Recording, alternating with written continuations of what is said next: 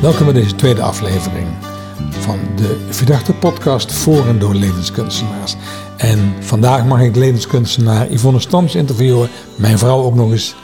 En wat ik leuk vind is dat Yvonne, jij bent uh, opleider bij Verdachte in systemisch werk, ook wel in familieopstellingen. En je zegt zo vaak, ik hou zo van mijn werk. Dus ik zou het zo leuk vinden om jou daar eens over te laten vertellen.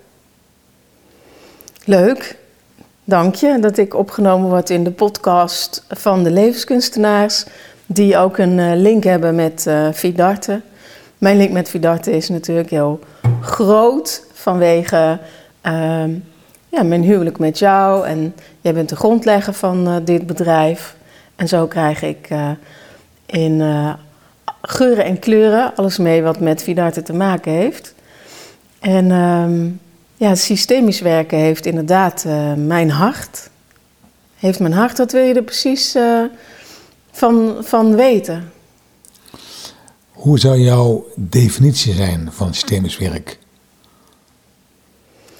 Mijn definitie van systemisch werken is dat je het systeem in acht neemt. Dus iemand komt bij je en die heeft een vraag. En die vraag, als je die door een systemische bril gaat bekijken, dan ga je meenemen wat er met het systeem aan de hand is. Dus het systeem van de vraag, stap 1, en dan het systeem van herkomst, stap 2. Wat wij uh, ook zeggen in onze cursus, hoe weerspiegelt het heden het verleden? En um, wat ik boeiend en interessant vind aan systemisch werken, is dat je in het verleden een antwoord kan vinden.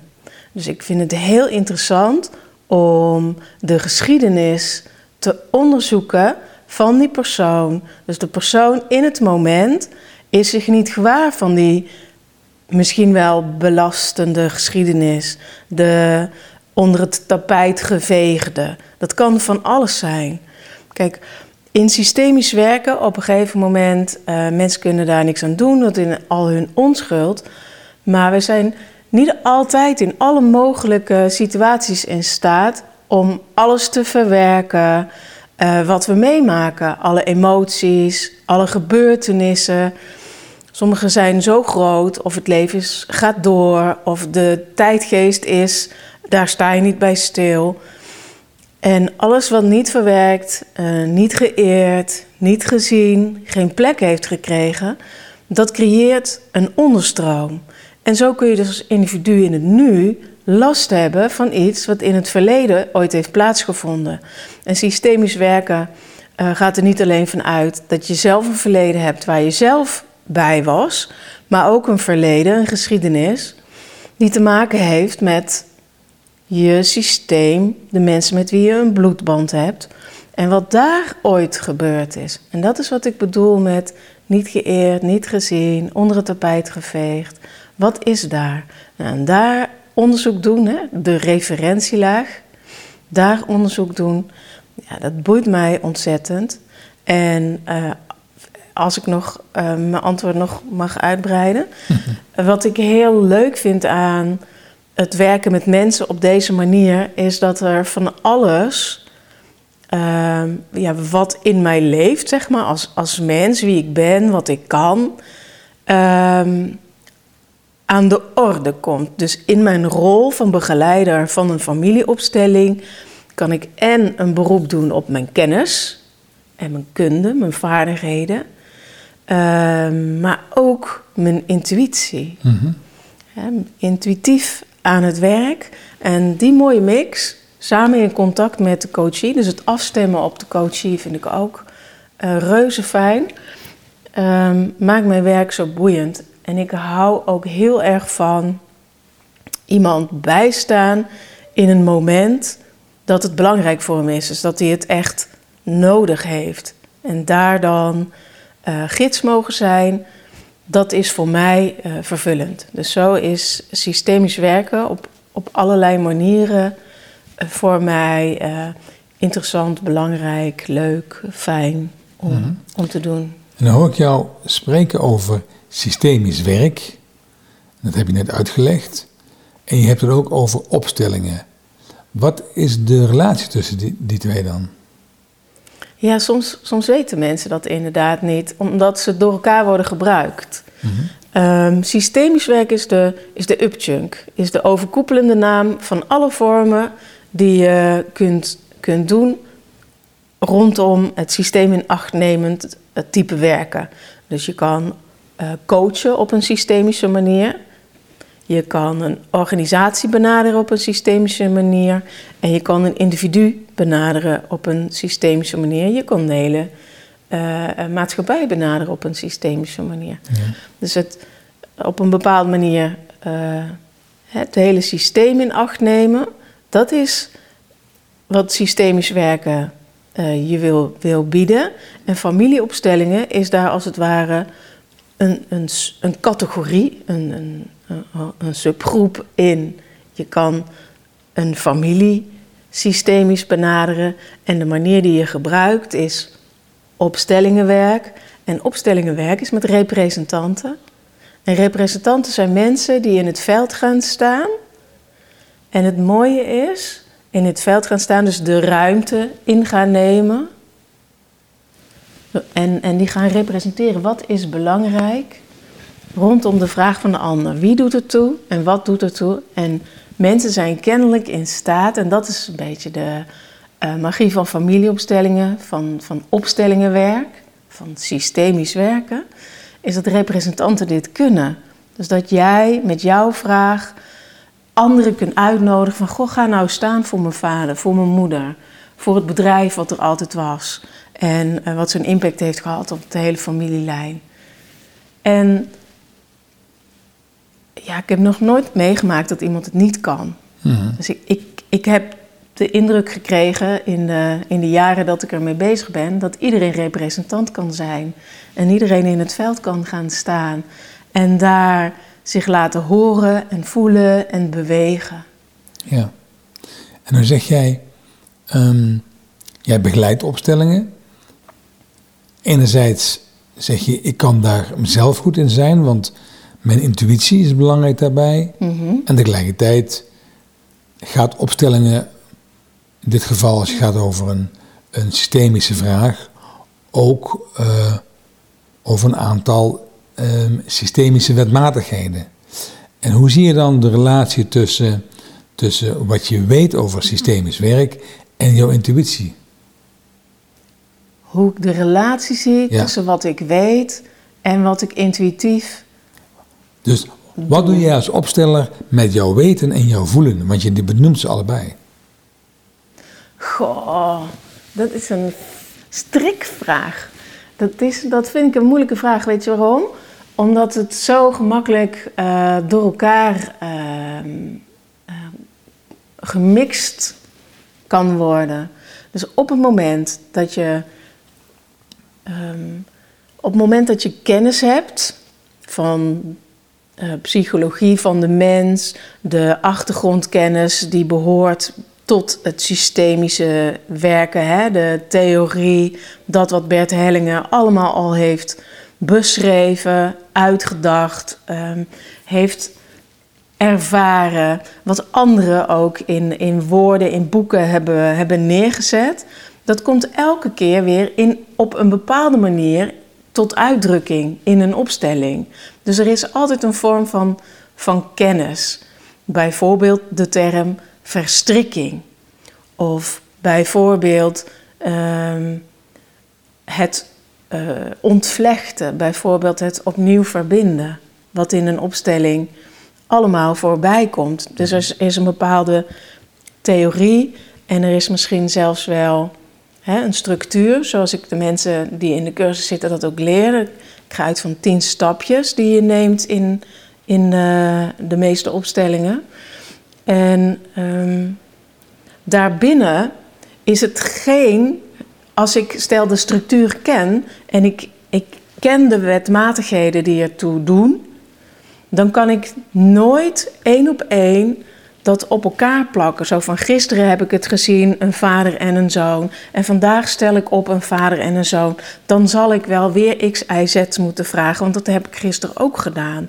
Dus je kan nooit alleen maar met je hoofd waarnemen en vragen stellen in het, in, een, in het veld, in het systemisch werk, in een familieopstelling. Je hebt ook altijd een vorm nodig die je intuïtie uh, noemt, die afstemt in het moment, die uh, ziet wat er zich voordoet in het moment, fenomenologisch waarnemen. Wat zijn de verschijnselen die zich op dit moment voordoen tussen deze mensen die zijn opgesteld? En hoe kan ik daar chocola van maken? Dus hoe kan ik dit dan vervolgens weer een betekenis geven aan de mens die uh, de vraag heeft gesteld?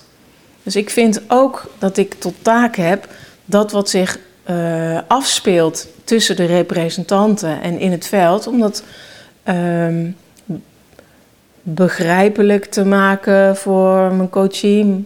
Dat hij er ook uh, voelbaar bij aanwezig kan blijven. Dus dat zijn lijf um, het kan verwerken. Omdat in mijn visie het ook zo is dat op het moment dat je met je fysieke lichaam uh, voelend aanwezig kan zijn in het moment, dan kan er ook heling plaatsvinden. Nou, en in mijn beleving kun je die verschillende stapjes die nodig zijn nooit alleen maar zetten vanuit een protocolletje en vanuit kennis en met je hoofd. Ja. Dus zo is het voortdurend voor, voor mijn beleving in elkaar verweven. Dan heb ik jou horen zeggen dat um, analytisch werken is inzoomen op de vraag van de uh, coachie, terwijl systemisch werken is vooral het uitzoomen vanuit de vraag van de coachie. Ja, heb je mij niet horen zeggen, maar dat is kennis die jij zelf uh, beheerst. Ja, maar je zei het uh, vandaag nog. Ja, vandaag misschien nog. Ja, je hebt het me vast ooit horen zeggen. Ja, dat, dat, denk ik. Dat komt voorbij. Luisteraars, ze zei het. Ze zei het. Ik ontken het ook niet dat ik het ooit gezegd zal hebben. Uh, maar inderdaad, an analyseren en, en, en wetenschap mm is als het ware uh, een, een, een, een goede graadmeter om uit te leggen uh, wat je niet doet. Dus je gaat niet uh, inzoomen zoals een wetenschapper gaat inzoomen op een detail, of zoals een dokter uh, gaat inzoomen op de pijn in je hand. Mm uh, bij het ene vingercoachen, als je daar krom doet, daar doet het pijn. Dat is wat een dokter um, zal gaan doen. En kijken, kijken, kijken en voelen en meten en dezelfde uh, stapjes nemen, zodat hij goed kan onderzoeken: is het gebroken, uh, is het gekneusd, ja. moet ik het spalken of moet ik gewoon een pijnstiller aanbieden. Mm -hmm. En een systemisch werker gaat veel meer kijken naar: gewoon heb je pijn in je vingercoachen. En die gaat in plaats van daarop inzoomen en hoe kan ik direct naar de oplossing gaan, gaat hij uitzoomen. Hoe verhoudt zich de pijn van dit vingerkootje ten opzichte van al die andere vingers en die hele hand? En wat heeft het met elkaar te maken? Hoe verhoudt zich dit? Ja. En uh, gaat misschien zelfs kijken van, goh, pijn in vingerkootjes, is dat eerder voorgekomen in de geschiedenis van deze persoon. Ja. Want dan speelt er zich misschien iets af uh, wat we noemen het verbindende patroon.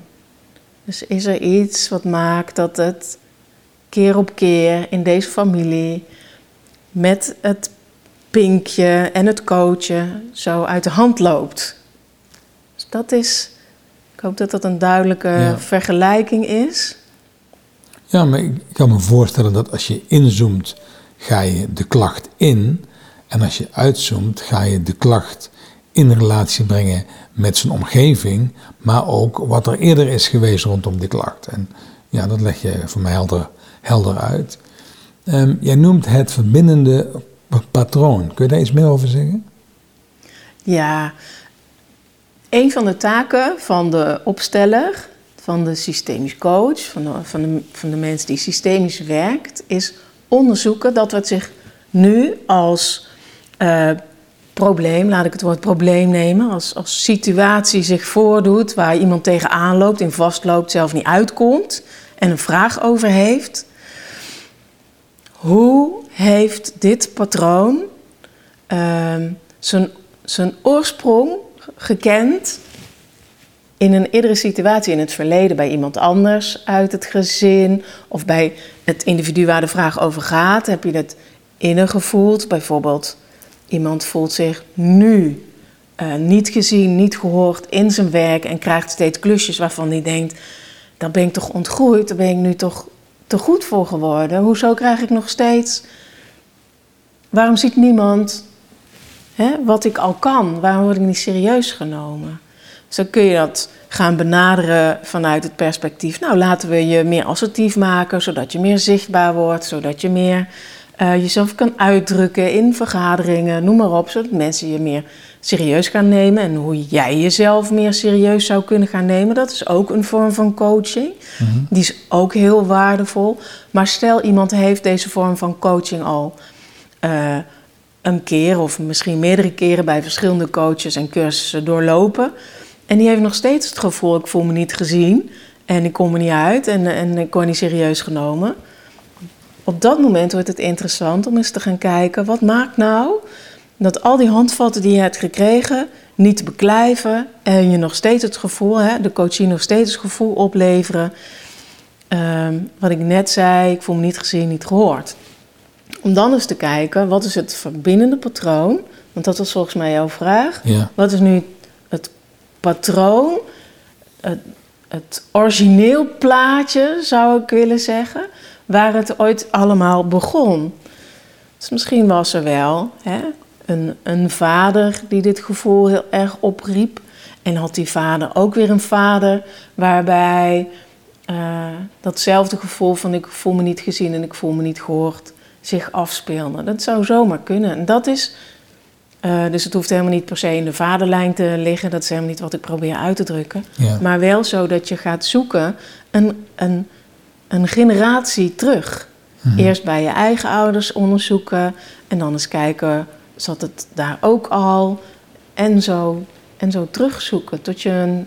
een uh, soms kan je echt een, een begin vinden. Van hier is het ooit allemaal uh, begonnen. Hier ligt een, een oorsprong. En dat laat de opstelling zien.